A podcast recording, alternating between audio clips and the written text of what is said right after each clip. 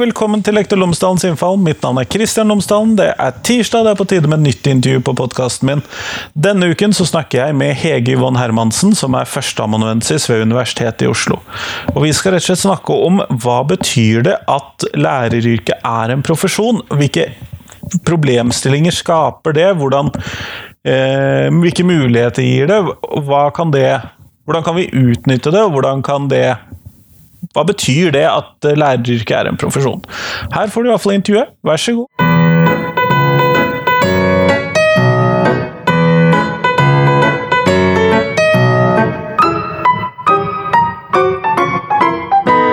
Jeg vil bare minne deg på at jeg har en Patrion-konto som du kan bidra til, sånn at jeg kan få videreutviklet podkasten min og fått råd til litt bedre utstyr, litt mer kursing og litt mer reising for å gjøre intervjuer. Den kontoen finner du på patrion.com skråstrek lektor Lomsdalen. Patrion.com skråstrek lektor Lomsdalen. Tusen takk!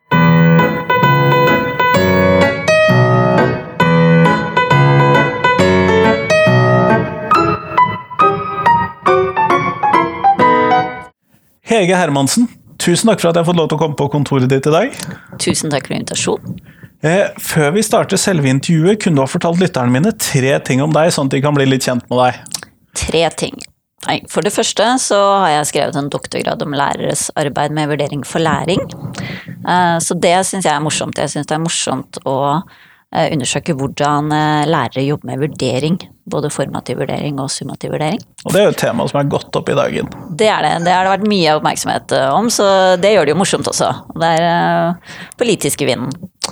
Så det andre jeg kan fortelle, er jo at jeg også nå jobber med å med universitetspedagogiske kurs for lærere her på universitetet. Så i dag og i går har vi hatt en veldig morsom samling. Fokusert på vurdering og eksamen, men da med fokus på undervisning i høyere utdanning.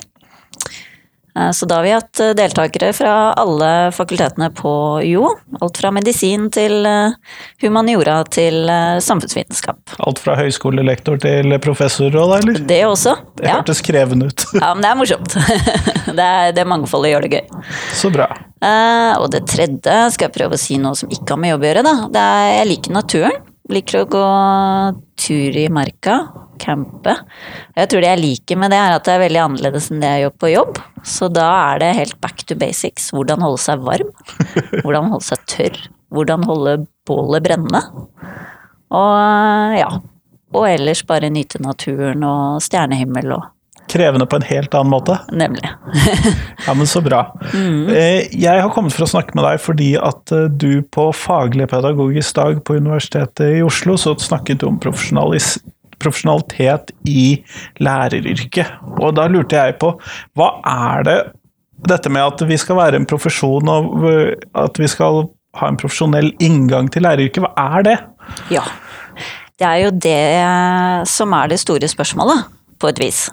For dette er jo et begrep og en sånn idé, det om at vi må være profesjonelle. Ja, For det sier ikke seg selv helt hva det inneholder, eller hva det skal være? Det er det det ikke gjør, og det er det som gjør det litt interessant. For jeg tror så veldig mange mennesker de bruker det begrepet på helt ulike måter.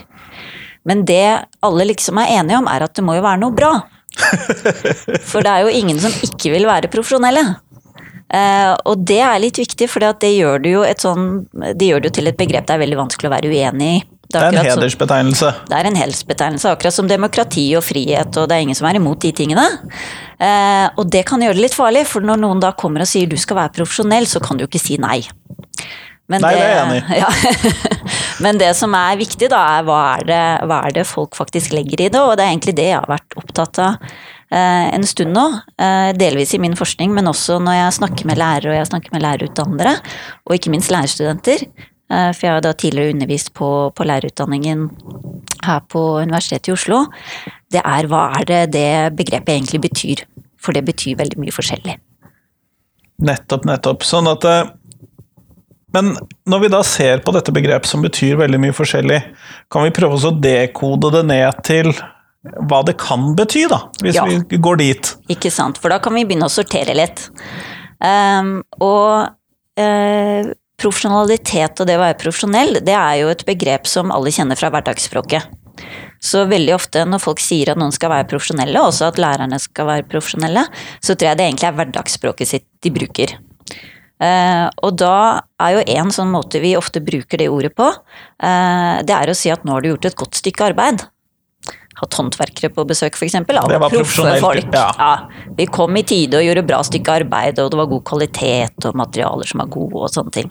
Så det er jo en måte å forstå det begrepet på. Og det tror jeg nok også det er noen som legger i det. Når de sier at lærerne skal være profesjonelle, så tror jeg kanskje de egentlig bare mener at de skal gjøre en god jobb. Og da tenker jeg at da kan vi egentlig bare heller si det. Da kan vi si at lærerne skal gjøre en god jobb, og det tror jeg ingen er uenig i. Nei, det er jo enda vanskeligere å være uenig i. Nettopp.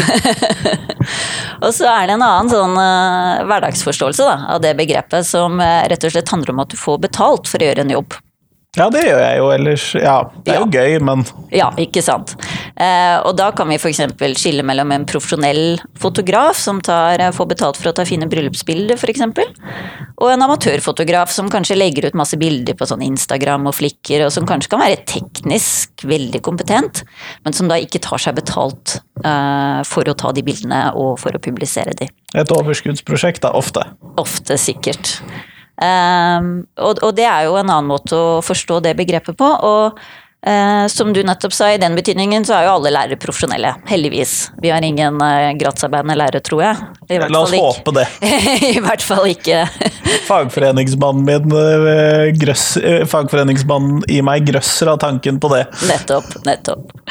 Um, og, og, de hverdagsforestillingene de kan jo være, særlig den første som handler om at nå har du gjort et godt stykke arbeid, de kan jo være eh, greit å ha litt i bakhodet, for jeg tror nok veldig mange egentlig tyr til dem når de snakker om det å være en profesjonell eh, yrkesutøver. Så det er én måte vi kan sortere det på.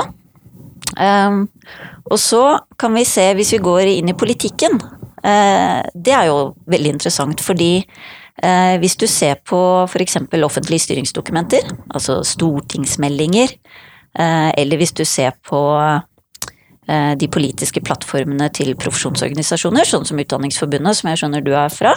Ja, jeg er medlem der. Ja. ja. Så, eh, så, det som er litt spennende der, er at vi ser at uh, bruken av det begrepet øker. Så det er ikke så veldig mange tiår siden vi ikke brukte det begrepet. Vi snakket ikke om lærerne egentlig som en profesjon i like stor grad. Vi sa at de var yrkesutøvere, eller vi sa ganske enkelt at de var lærere. Mens nå er det flere og flere som insisterer på å kalle lærere for en profesjon. Og det er jo interessant. Hvor kommer det behovet fra? Uh, og det vi ser nå, hvis vi går inn i disse dokumentene, og det har ikke jeg gjort så mye selv, men det er det kollegaer av meg som har gjort, Sølvi Mausethagen, Lise Granlund, de har satt seg ned og så har de sett litt sånn systematisk på dette her. Uh, hva er det politikerne egentlig mener når de bruker ordet profesjonell? Ja, for det er jo litt interessant, for de skal jo definere jobben vår. Ikke sant. Så her ligger det litt makt, da eh, som det gjør i politikken. Det er jo litt av poenget med politikk. er jo å, å ha innflytelse i samfunnet. Eh, og der ser vi f.eks. at eh, det å være profesjonell og profesjonsbegrepet blir eh, f.eks. For forbundet med spesialisert kunnskap. Eh, så noen sånne politiske utviklingstrekk vi kan lenke til det, det er jo f.eks. at vi nå har fått krav om mastergrad på alle lærerutdanningene. Eh, så ja, for det er jo noe helt nytt. Det er jo noe nytt. Mm. Og eh, vi har også fått eh, økte krav til studiepoeng i en del fag eh, gjennom Lærerløftet. Um, og så der er det, hvis du f.eks. ser på hvordan Røe Isaksen har vært med på å argumentere for denne type spesialisering, for mastergrad f.eks., så var han ofte ute og sa at dette styrke lærernes kompetanse eh, og deres eh, altså evne til å være profesjonsutøvere. Altså, det, veldig, det å være profesjonell, det handler om noen som har spesialisert kunnskap. Ja, nettopp. Så det er jo da én side av den politiske eh, varianten av begrepet. Nettopp. Har det noen flere sider? Er det noen andre aspekter ved det? En annen ting som, de, som Lise Granlund og Sølvi Mausetagen fant da de kikket på disse stortingsmeldingene, det var jo at eh, profesjonsbegrepet også i større grad ble knyttet opp mot ansvarliggjøring. Og det må jo ses i sammenheng med eh, disse bredere politiske utviklingstrekkene vi har hatt. Altså vi har hatt denne dreiningen mot målstyring. New Public Management. Og introduksjonen av nasjonale tester, også ofte en del kommunale tester. Ja, vi er jo i Oslo, så. Ja, det er vi også. så, så, en annen måte å forstå profesjonalisering på, da, som kommer til syne i disse dokumentene, det er at hvis du er profesjonell, så står du til ansvar for resultatene dine. Og det er jo en litt annen måte å bruke det begrepet på enn F.eks. dette kjennetegnet om at du skal ha en spesialisert kunnskapsbase. Og det får litt andre implikasjoner. Eh, for eh, hva slags forventninger da, som stilles til deg som lærer, og hvem du står til ansvar for, og for hva. Mm. Men, eh, for du nevnte da lærersiden i stad. Har de en annen bruk av profesjonalitetsbegrepet enn politikerne her? Mm. Det, og svaret på det er både og. Overraskende nok. Eh, så det eh, Meisedagene Mausedagene Line Granlund også gjorde, var at de gikk og kikket på dokumentene fra Utdanningsforbundet. Eh, og der finner de f.eks. også en vektlegging av faglig spesialisering. Så Utdanningsforbundet de snakker også f.eks. en del om forskningsbasering. Og viktigheten av forskningsbasert kunnskap for yrkesutøvelsen. men det de også finner der, er at det er en litt annen Eh, relasjon som tegnes opp til forskningsbasert eh, kunnskap. Eh, vi kan kanskje kalle det en litt mer kritisk holdning, som legger litt større vekt på lærerens evne til å kritisk vurdere om forskningslitteratur, om den er relevant til de konkrete problemstillingene en lærer står ovenfor, om er dette relevant for min skole, for mine elever, Er det sammenlignbart, da? Eh, mye. Det med det, det scenarioet som settes opp i forskningen versus Jeg tror mye er sammenlignbart. Det som, eh, der hvor det kanskje er en, et skarpere skille også, er jo dette med ansvarliggjøring gjennom testing. Uh, og der, jo, der finner de at det er større forskjeller, og at Utdanningsforbundet stiller seg mer kritisk til den type ansvarliggjøring. Ehm, og det kan man jo også se litt i konteksten av den litt bredere debatten vi har om eh, testing. Altså hva er det testing egentlig viser? Og det er klart det er litt vanskelig å si at elevresultater kun eh, skyldes kvaliteten på lærerne. Vi vet at det er en veldig viktig faktor. Men så vet vi også at det er en del andre faktorer som spiller inn på f.eks. resultatene da på nasjonale prøver. Nettopp, nettopp. Men eh, sånn som jeg hører det her, så vil det jo være en sånn Hva skal vi kalle det? Det som man ofte har snakket om som det profesjonelle skjønn... Eh, nå jeg, har jeg problemer med SKJ-lyder og sånn, men skjønnet Ja, det, det, er jo eh, mye diskutert om dagen. Ja. ja, det er det. Eh, men det profesjonelle skjønnet, eh, hvordan For det høres ut som det er en motsetning hvordan den politiske siden av dette og lærersiden ser på det. Ja oppi er, dette. Mm, og det er jo interessant, fordi hva innebærer det å være en profesjon? Eh, hvis vi ser på profesjonsbegrepet, så er jo en av de tingene som man intuitivt tenker at det er et fellesskap. Og at det fellesskapet har noen felles kjøreregler. Ja, vi har noe til felles fordi vi begge to er lærere. Ikke sant. Ja. ja. Um, så, uh, og i lærerprofesjonen så har man jo i lang tid vektlagt individuell metodefrihet, og at enkeltlærerne skal finne sin egen måte å undervise på. Uh, man har vektlagt erfaringsbasert kunnskap. Uh, mens noe av det som kanskje ligger litt implisitt i, i profesjonsbegrepet, unnskyld, det er jo også at man skal ha noen kollektive standarder. Og at man skal ha, si at vi som lærere, som en gruppe, vi mener at lærergjerningen bør utføres på den og den måten. Og et interessant eksempel på det er jo eh, Utdanningsforbundets etiske plattform for lærere. Det er jo et uttrykk for det. Der har de sagt at vi som lærere, vi har noen kollektive standarder noen felles kjøreregler for hvordan vi eh, tenker at lærergjerningen skal utøves. Så er det selvfølgelig ikke eh, kanskje sånn at alle lærerne i hele landet er enig i den eh, etiske plattformen, det tror jeg vi vet, men Og man er ikke så bundet opp i den kanskje heller? Nei, men, men det er et eksempel på det som man i forskningslitteraturen ofte kaller profesjonalisering innenfra. At det er eh, lærerne selv og profesjonen selv som definerer hva er viktig for lærerne, og hvordan er det vi skal utføre jobben vår. Mm. Men eh, når man da snakker om en profesjonalitet oppi dette, og det også skulle være en profesjon, så er jo dette basert på da Én ting er det at man skal ha denne styringen selv med hvordan man skal undervise og hva man skal vektlegge osv., men er det noen andre faktorer med i det som for å være en profesjon, da, eller som i dette profesjonsbegrepet? Mm. I eh, profesjonslitteraturen så finner man jo egentlig ganske mange ulike måter da, å snakke om dette her på. Men tre ting som går igjen, og som jeg syns er veldig nyttig da, for å tenke rundt nettopp det spørsmålet hva er en profesjon, og hva betyr det å være en profesjon? Eh, det er et sånt trekløver, eh, tre begreper. Det er kunnskap, ansvar og autonomi.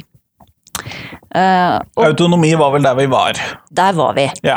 Så autonomi det handler jo om at vi har, uh, sier vi, kanskje si dere, som er lærere, dere har fått et handlingsrom. Uh, hvor dere har relativt stor makt og innflytelse over hvordan dere skal legge opp arbeidet med elevene i klasserommet. Og det er jo kjempeviktig, fordi det alle lærere selvfølgelig vet, er at man har en jobb som ikke kan standardiseres. Jeg var i eh, en debatt eh, for noen uker tilbake, og der var det en av paneldeltakerne som sa at eh, i løpet av en dag så tar lærere ca. 700 avgjørelser. Og jeg vet ikke hvor, hvor, korrekt akkurat det tallet 700 er, men jeg syns det var veldig Det var en veldig god illustrasjon på kompleksiteten i læreryrket. Og på alle de små og store avgjørelsene man står oppe i hver dag som lærer. Hilse på den, gi dette til lekse, smile til denne. Ja. Ting som skjer i klasserommet, faglige spørsmål som kommer opp. Eh, og alle disse tingene glir over i hverandre, så det er jo en veldig kompleksitet man står oppe i hver dag i et klasserom. Eh, og den kompleksiteten, den må jo lærere stå i, og de må ta de selvstendige avgjørelsene hver dag. Et annet ord som eh, jeg syns illustrerer dette med autonomi veldig godt, er jo ideen om metodefrihet. Det er jo et sånt begrep som jeg tror er kjent for mange lærere. Eh, og det ligger jo også til grunn for den læreplanen vi har i dag, hvor eh, staten de sier at her er målene, dette er det elevene skal kunne. Men utgangspunktet er at lærerne og skolene selv skal bestemme hvordan elevene skal komme seg til det målet. Det er også en annen måte å tenke autonomi på, da. Så det er et viktig kjennetegn med profesjoner. De har et handlingsrom, en autonomi, hvor de må bruke skjønnsutøvelsen og den kompetansen de har, til å ta gode avgjørelser. Så det var én del av det trekløveret. Og den andre delen, eh, og den har vi også snakket litt om før, vi har snakket om spesialisering og spesialisert kunnskap, det er jo rett og slett kunnskap. At for å kunne utføre, eh, spesielt for å kunne bruke denne autonomien da, på en god måte, eh, så må man ha nødvendig ekspertise og kunnskap. Det må være basert på noe? Det må være basert på noe. Uh, og i, i, Norge så sier vi jo at alle som skal ha fast jobb som lærer, de må ha lærerutdanning.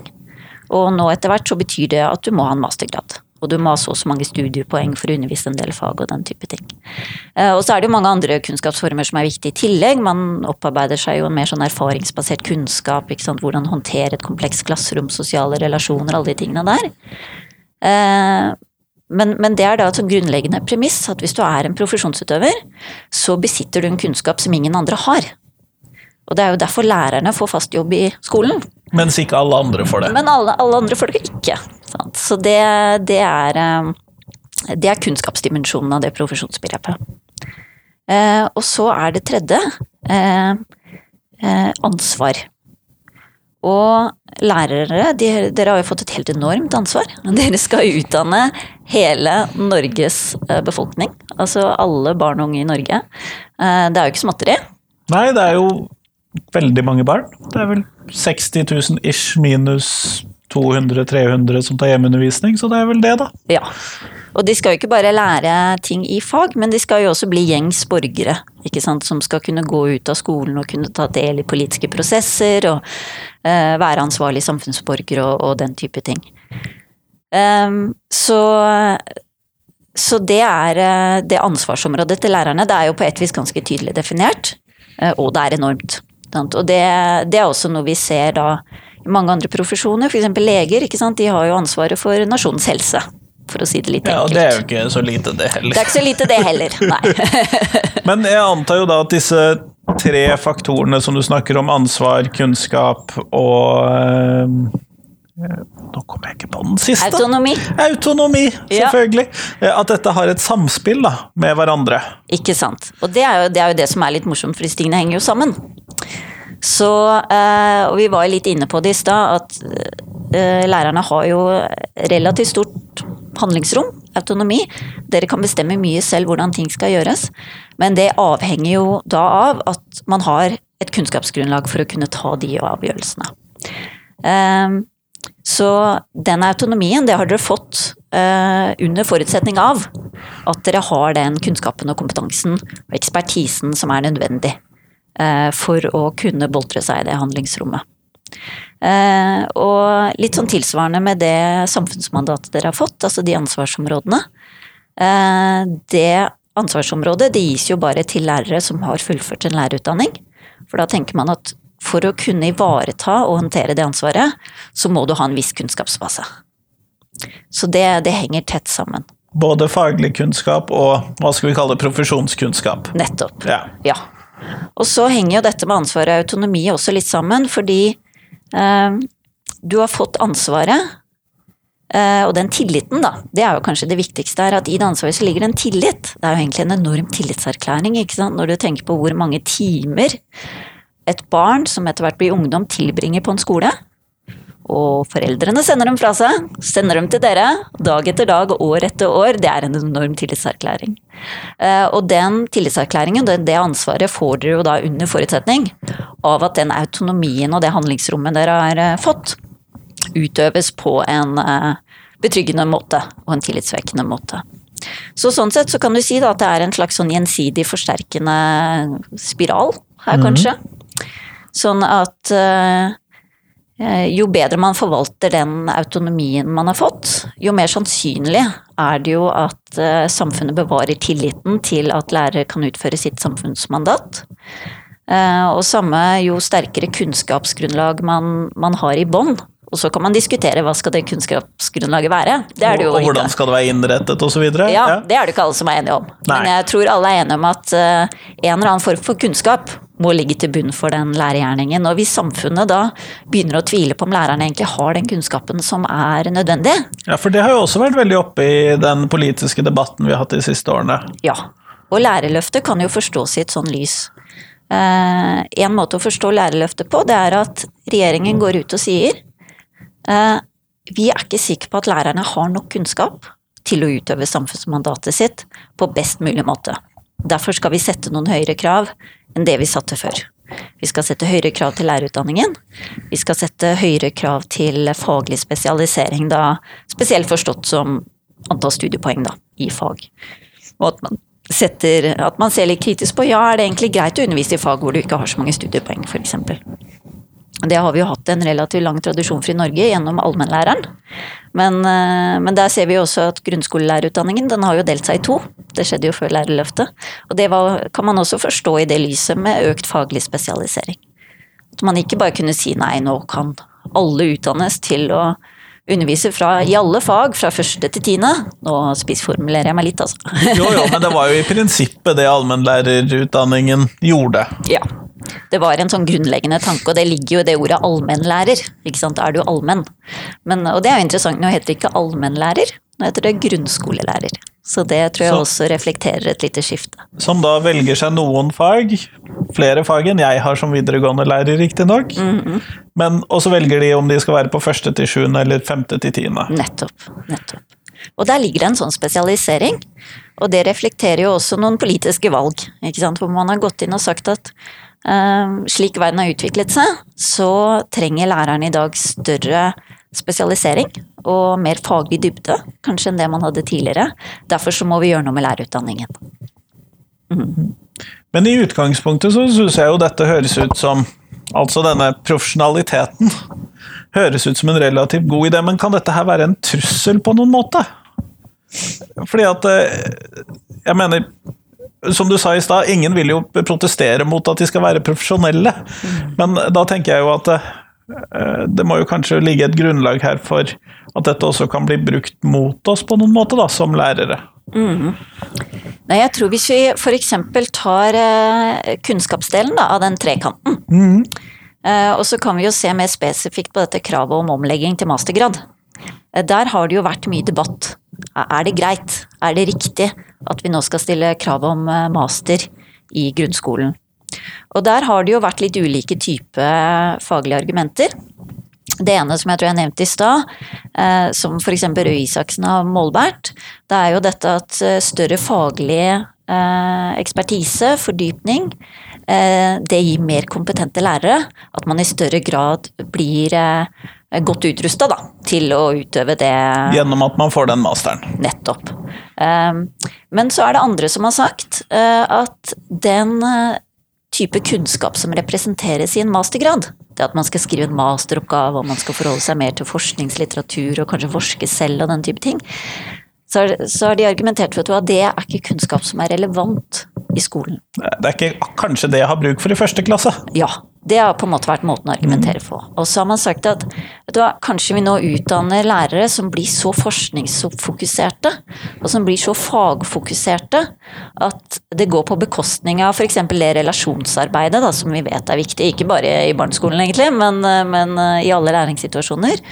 Og at de kanskje er mindre rusta til det mer sånn medmenneskelige arbeidet eh, som skjer i skolen. Så, så, der har vi sett uh, en del uh, ja. Protester? Litt protester, og det har vært litt kontroversielt. Her har det vært noen runder med debatter. Um, og så tenker jeg tenker nå kanskje Jeg er kanskje litt som Oli Brumm, da, så jeg tenker at ja takk, begge deler.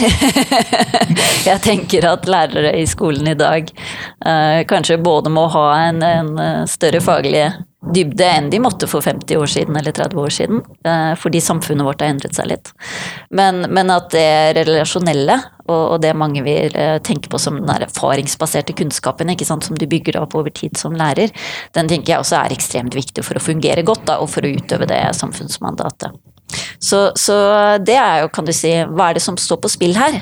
Det er jo hvem skal få lov å definere hva slags kunnskap som skal til i skolen. Og det ser vi jo paralleller til i debatten om nasjonale tester og PISA. Ok, vi måles på PISA, det er mye oppmerksomhet rundt PISA. Er det den kunnskapen som er viktigst i norsk skole? Så det er en litt samme type debatt, men uh, her handler det om lærernes kunnskap og ikke om elevenes kunnskap. Ja, og så ikke minst debatten om kan dette si oss det vi tror det sier oss, eller noe sånt. nettopp. Nettopp. Ja. Nettopp. Sånn at uh, der er det jo en debatt. Det jeg må innrømme at jeg merket meg med, med denne masterkravet, er at jeg var litt skuffet over at det ikke ble mer pedagogikk. Nettopp. Ja. Når man først hadde et år til, så syns jeg det var litt dumt. Mm. Men det ville jo da gått utover enten det tredje eller det fjerde undervisningsfaget, da. Ja. Og det er jo en annen uh, debatt som er en lang historie. At i kan du si, eh, diskusjon om hva lærerrollen skal være, og hva lærernes kunnskapsbase er. Der ser man jo det Ja. De, den grensegangen mellom pedagogisk kunnskap og fagkunnskap. For det blir Når du har en utdanning med et begrenset antall studiepoeng, så kommer alltid den kampen hva skal inn? ja. og jo mer som skal inn, så er det noe annet som må ut. Det ser vi også vi med fagfornyelsen nå. Nettopp. Nettopp. Ja. Mm. Mm. Nei, jeg, jeg, ser jo at det er en problemstilling. Mm. Uh, jeg, uh, men når man da skal sette disse fordi at det, både politikere, men også samfunnet gjør jo en vurdering av hvilket sånn, hva skal vi kalle kunnskapsgrunnlag, eller hvilken tillit vi har til lærerne, osv. Mm. Det gjør vi enten vi snakker om profesjonalitet i den folkelige forstand, eller om vi snakker om profesjonalitet i den mer faglige forstanden som politikerne kanskje nok oftere gjør. Mm. I hvert fall på det området. Mm. Um, så merker jeg jo selv, jeg tar jo meg selv i det å tenke at nei, dette området har ikke den vanlige lærer så god kjennskap til. Ja. Vanlige lærere altså, så god det, Pål eller Lisa, vanlige lærer ute i en skole. Ja. At det, finnes områder hvor jeg har lyst til å overstyre hva de skal gjøre. Det profesjonelle skjønn. Ja. jeg syns jo det er litt sånn vanskelig med meg selv, at jeg har lyst til å gjøre det. ja, ja. Og jeg, jeg, tror jo en sånn Altså, det er jo et annet ord, ikke sant. Altså, profesjonsbegrepet, det startet vi med å se det brukes på veldig mange forskjellige måter. Og så fyller folk det med det innholdet de helst vil fylle det med. Ja, det noen ganger. uh, og det samme ser vi til en viss grad med autonomibegrepet, og dette her med profesjonelt skjønn. Eh, og på den ene, i den ene enden av skalaen da, så kan du forstå dette her med autonomi og skjønnsutøvelse som en helt individuell sak. Ikke sant? Det handler om at når jeg går inn i min klasse, 8B i norsk i morgen, så skal jeg kunne bestemme selv hvordan den timen skal se ut. Jeg skal bestemme selv hvilke eh, pedagogiske og fagdidaktiske prinsipper som skal ligge til grunn, og undervisningsmaterialer, og hvordan jeg skal samhandle med elevene mine og alt dette her. Så det er en veldig sånn individsentrert forståelse. Og den har jo en veldig lang historie i skolen.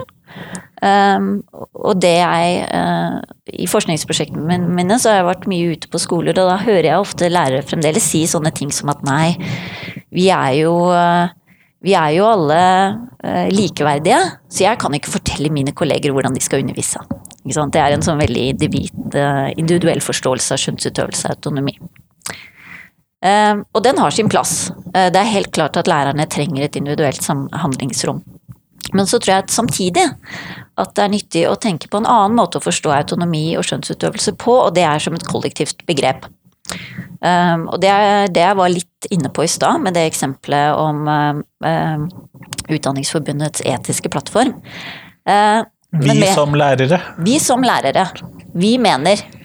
Uh, og uh, en litt sånn enkel måte å forstå det på, det er at lærerne som et fellesskap, de skal holde orden i eget hus.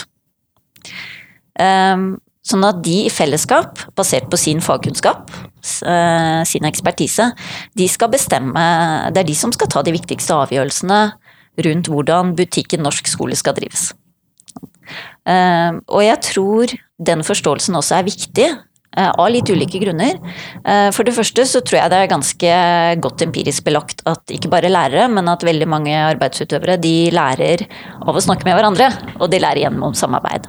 Eh, så det å Skolebaserte utviklingsprosjekter, ikke sant, det er jo et typisk eksempel på, på det der. At nå skal vi lære i fellesskap, og vi skal utvikle undervisningspraksisen vår sammen. Og det ligger en sånn idé om at det er det er viktig, at du får noe ut av det, da. Som er litt annerledes, om alle skal sitte på hver sin tue.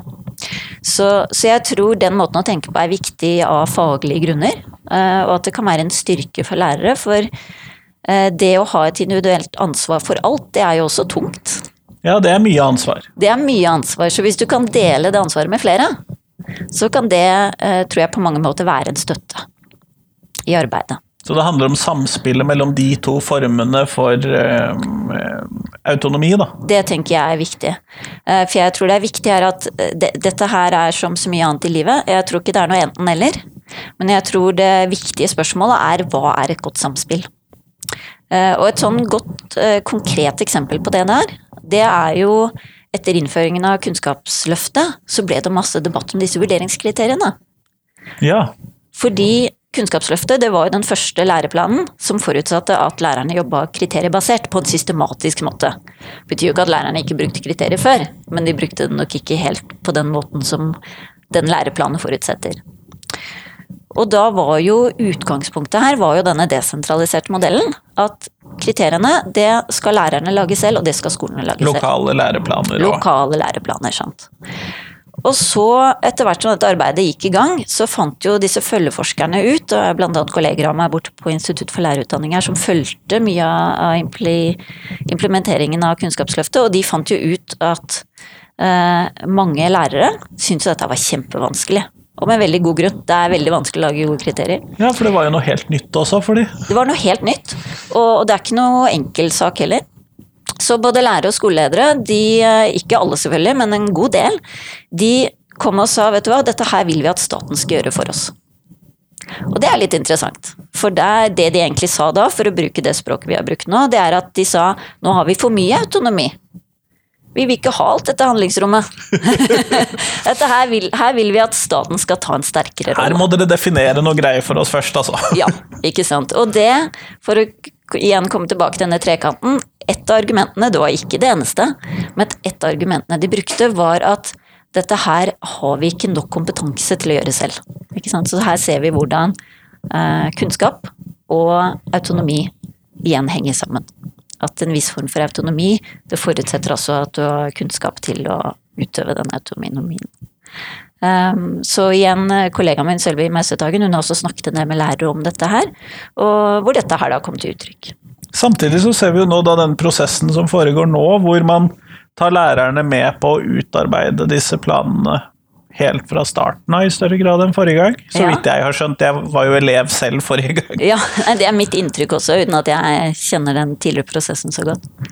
Så det syns jeg jo er interessant. Ikke sant? Så er jo spørsmålet om man vil få den samme type reaksjon. Fordi at disse læreplanmålene som jeg har sett på til nå, har jo sett mye vagere ut enn før. Ja. Jeg vil jo tro at uh,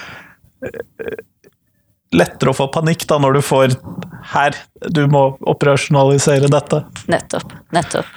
Og det også er jo interessant, altså. Eh, vi var vel inne på litt sånn i stad, altså hvem skal bestemme? ikke sant? Er det staten som skal komme inn og bestemme ting, eller er det profesjonen? Og den type ganske detaljerte innspillsrunder da, som, som man har åpnet opp for uh, med fagfornyelsen, det er jo et eksempel på at man kan tenke ja takk, begge deler. det tas noen sentrale grep, men profesjonen har også en eh, stemme inn og en rolle inn, og så er jo selvfølgelig spørsmålet i hvilken grad og hvordan de blir hørt. Men, eh, men der kom jo denne kollektive autonomien også inn. Og det kollektive profesjonen, dette kollektive jeget. Nettopp. Og, og der er det jo eh, eh, Kan man jo argumentere, i hvert fall i en del kontekster, at hvis man står samlet, så har man en sterkere stemme. Uh, ja. Kjempeflott, vi går mot slutten av podkastintervjuet, og da har jeg et fast spørsmål som jeg stiller til de jeg snakker med. Eh, og jeg lurer rett og slett på, hvis du skulle lage et nytt fag i skolen, og du skulle, med du skulle gi det et navn og fylle det med et innhold, hva skulle det hete, og hva skulle det inneholde? Nettopp. Eh, nå sa du til meg før vi begynte å ta på at det var mange som hadde vært litt enig i selve, uenig i selve spørsmålet. Ja, premissene er jo premiss- folk ofte uenige her. Ja. og jeg også tenkte vel at nei, nå skal jo alt inn i skolen, skal jeg dytte inn noe mer der nå?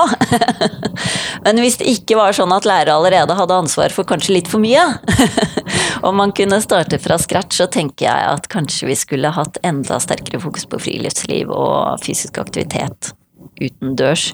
Eh, og det tenker jeg eh, rett og slett kanskje er viktig for folk i helse.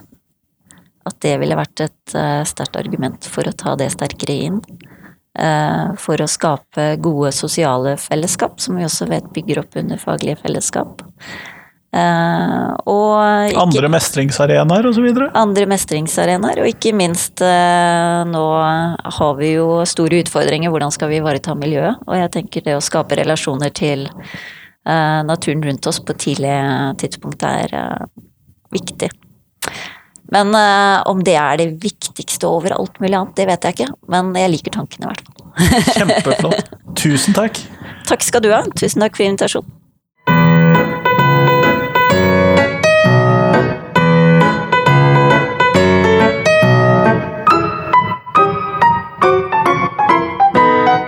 Tusen takk til Hege, og tusen takk til deg som hørte på. Nå er det en uke til neste podkastintervju, og selv om det da betyr at det er jul, så skal det fortsatt komme podkastintervju, selvfølgelig også i julen.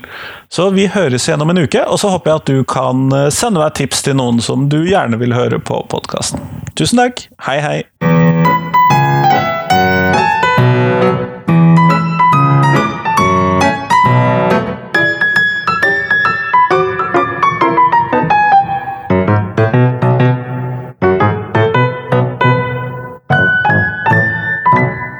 Helt til slutt så vil jeg igjen minne deg på Patreon-kontoen min. Du finner den på patreon.com skråstrek. Så håper jeg at du kan være med og bidra til at podkasten kan videreutvikle seg.